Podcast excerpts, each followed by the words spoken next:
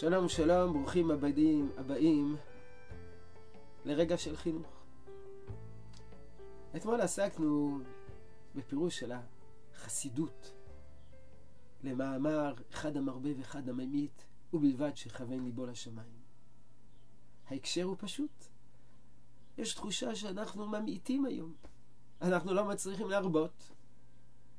אין תפילה בציבור, הסדרים הקבועים, השיעורים הקבועים של לימוד תורה, לא, לא מצויים בידינו.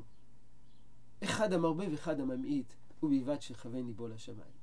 אתמול הזכרנו את פירושם של גדולי החסידות, שהמטרה היא שכוון ליבו לשמיים. העיקר זה מבחן התוצאה. אם בסופו של דבר אנחנו מגיעים לנקודה של כוון ליבו לשמיים. אבל אני רוצה להזכיר פירוש אחר, הפוך לחלוטין, אבל גם נוגע לימינו. וזה פירושו של המהר"ל. המהר"ל שואל, איך אפשר לומר אחד המרבה ואחד הממעיט, ובלבד שכוון ליבו לשמיים, בשעה שישנה משנה מפורשת בפרקי אבות, אם למדת תורה הרבה, נותנים לך שכר הרבה. זאת אומרת, יש פה עניין כמותי. למדת תורה הרבה, נותנים לך שכר הרבה. השאלה המהר"ל, איך זה מסתדר מה שנאמר אחד המרבה ואחד הממעיט. עונה המהר"ל, אם למדת תורה הרבה, אין הכוונה שאתה הספקת, אלא כלשונו. אפשר לומר בכאן, לעניין העמל, נאמר שאם למדת תורה ונצטערת עליה הרבה, נותנים לך שכר הרבה לפי העמל והתורה. מה שכתוב למדת תורה הרבה, פירוש הדבר לפי העמל. והוא מוסיף, ודאי אם אחד למד תורה הרבה בשנה אחת על ידי עמל שנה, ואחד למד תורה מועטת בעמל שנה, שניהם שווים.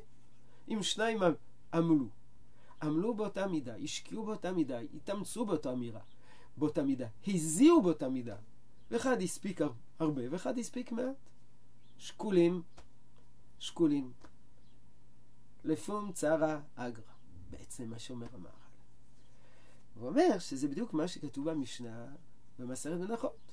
אחד מביא קורבן בקר, ואחד מביא עולת העוף. מה, זה אותו דבר? אחד המרבה ואחד הממית? לא.